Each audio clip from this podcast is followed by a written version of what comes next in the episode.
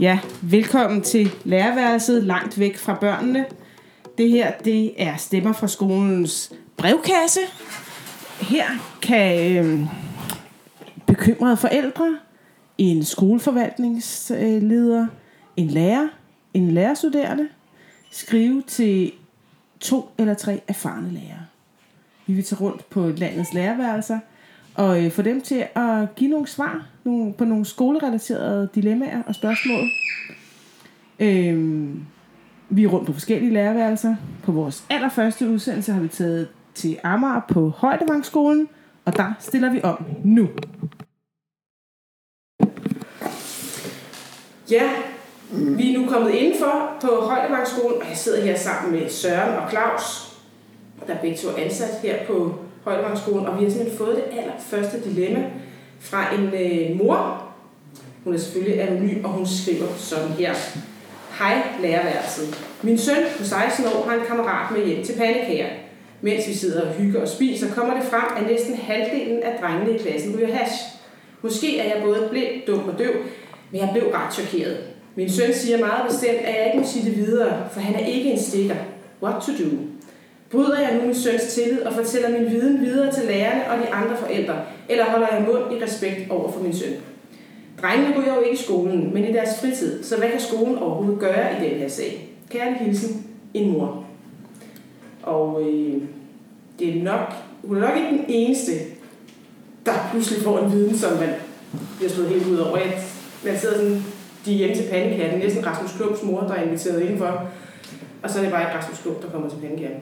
Men Søren, men man kan sige, at det er jo sådan en øh, klassisk problemstilling, som vi oplever ofte i folkeskolen, hvor der sker noget uden for skolen, Ja. som har påvirkning i skolen. ja, hvordan kan der påvirkning i skolen, tænker du? Fordi at hvis halvdelen af klassen øh, ryger has, så har det jo en klart øh, påvirkning af, hvordan det sociale miljø i øh, klassen og Ja. i drengegruppen er, og der er klart også, hvordan engagementet i, øh, i skolen er omkring, øh, omkring den faglige tilgang til, til skolearbejdet. Ja, Så det, men vi, vi står jo i mange problematikker omkring, hvor der er noget uden for skolen, øh, mobning på nettet, øh, Ja. via noget spil osv., som ligger i uden for skolen, skoleregi, men som selvfølgelig påvirker dagligdagen ja, over på skolen. Og det er jo, øh, kan man sige, det er jo et dilemma for os lærere. Men øh, jeg vil sige til den øh, mor, at det der med stikker noget, at det skal hun i hvert fald bryde fuldstændig ned, fordi at, øh, altså at sønnen føler sig som en stil. ja, det skal han gøre. Altså selvfølgelig skal der stikkes til, at der er nogle ting, der, øh, der ikke fungerer, og det er ikke normalt, at ni, halvdelen af 9. klasses drenge ryger has. Så det skal, øh, hvad det hedder, det skal jo i tale sættes, og det skal i tale sættes over for de andre drenge. Og hvis jeg var den, hvis jeg var den mor, så ville jeg starte den i forældregruppen Okay. uden for skolen. Fordi der er jo, vi har her på skolen øh, valgt kontaktforældre i øh, hver evig eneste øh, klasse, er der ligesom sådan en forældrerepræsentant, Ja, hvor kan man sige, tingene starter med at gå til forældrerepræsentanten med ting, som starter uden for skolen. okay, så, altså, så den her mor kan kontakte forældrerepræsentant. Hvad hvis hun nu selv er forældrerepræsentant? Hvad skal hun så Ja, så skal hun øh, stille hele forældregruppen sammen øh, og være sit ansvar bevidst som valgt forældrerepræsentant og sige, vi har et, jeg har en viden omkring noget i en øh, drengegruppe, som er yderst problematisk. Okay, Og det, det, jeg tror, det, det stærkeste vil være at starte den der. Hvis Ja. så forældrene skal bruge nogle øh, redskaber og så videre, hvor de mener, at skolen vil kunne bidrage til at løse det, ja, så synes jeg derefter, at de skal øh, kontakte skolen. Klasselærer selvfølgelig. Øh, Det virker også lidt vanvittigt, at en mor skulle have viden om, at halvdelen af en, dreng, en, en drengegruppe ryger has, uden at klasselæreren har noget som helst nys om. ja, Så, så, så jeg øh, er fuldstændig overbevist om, at den klasselærer Ved det. ved det. Synes hun ikke, at hun lige skal smide en mail til den klasse der? Nej, det synes jeg ikke. Jeg synes, hun skal ringe til vedkommende. Og ringe til Altså, det er meget, jeg synes, det er meget alvorligt. Ja, Altså, og jeg synes, at, øh, at sige, at jeg stemler forældregruppen sammen. mm. Og øh, hvis forældregruppen mener, øh, og, det, og det synes jeg, de skal løse, den forældregruppe, Ja. og, og sige, vi har en problematik her. hvis det ikke kan løses, hvad der, altså, at der er nogle forældre, der måske siger, at det hun, hvad jeg på ingen måde tror, at 9. klasse forældre øh, siger, at det er i orden, at min søn ryger.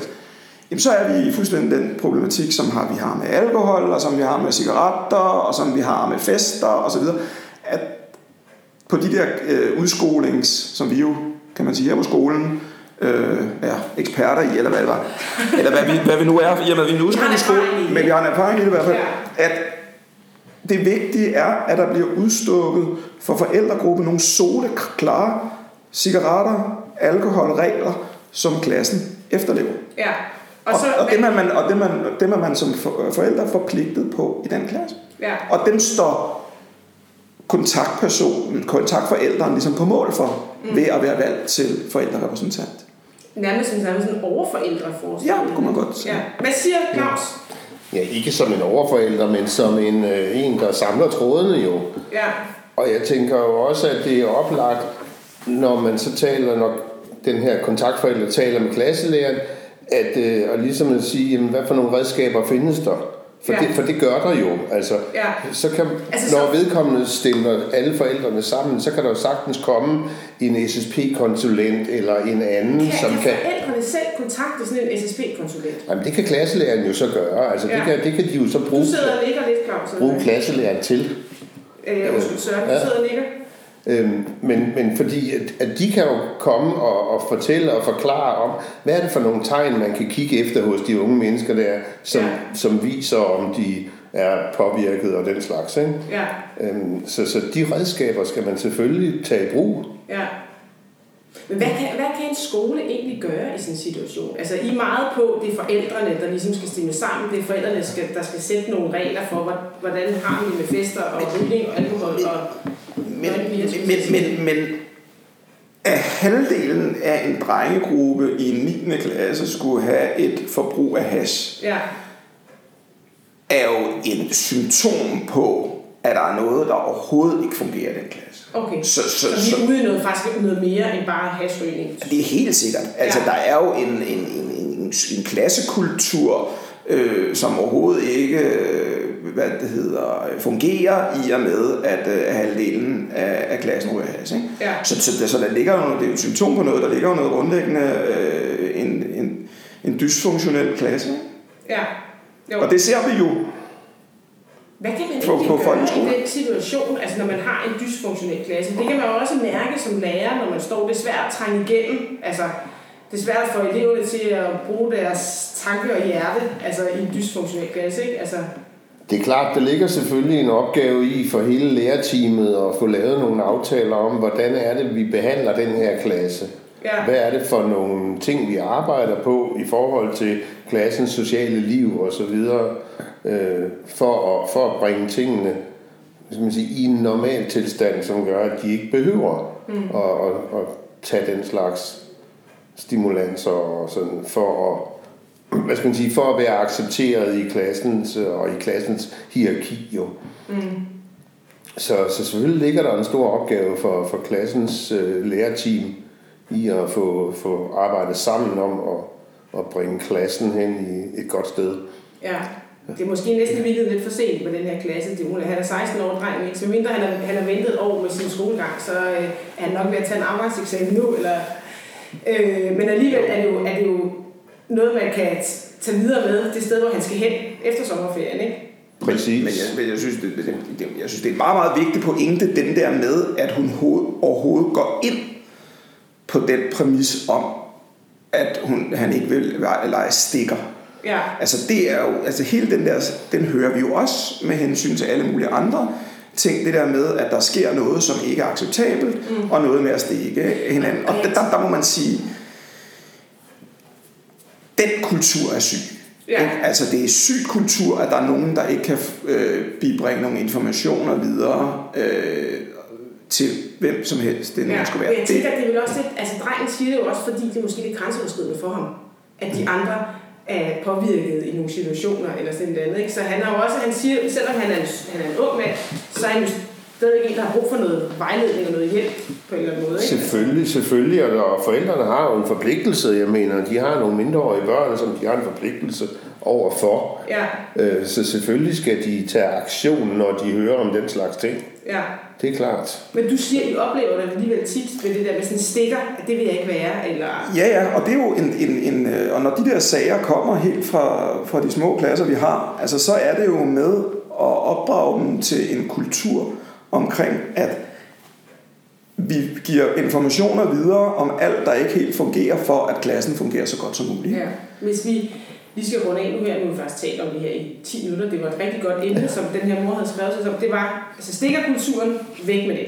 Der er ikke noget, der hedder stikkerkultur i virkeligheden. Sammen, forældrene, tage kontakt til kontaktforældrene, og så få en, øh, en rådgiver udefra med på det her møde. Og det kan være en SSP-konsulent, det kan også være, at der måske er en socialrådgiver på skolen tilknyttet, eller måske en misbrugskonsulent for kommunen, eller der kan fortælle omkring, hvad man kan gøre, men også alvoren i det her.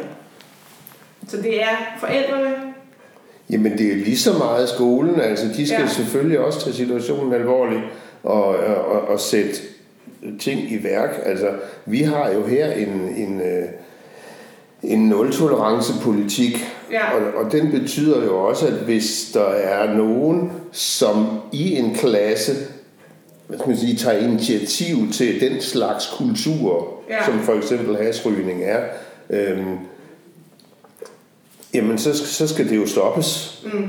Ja, det accepterer vi. Men ved I hvad? Tusind tak, fordi I øh, havde tid til at mødes med jer her i jeres lille spisepause. Og jeg håber, at øh, den her mor lytter med og øh, går videre med sagen, for det er i hvert fald rigtig vigtigt. Og det er noget, der vil påvirke de her børns liv. Hun har i hvert fald fået en vigtig viden, hun har en forpligtelse til at gå videre med. Tak skal I have.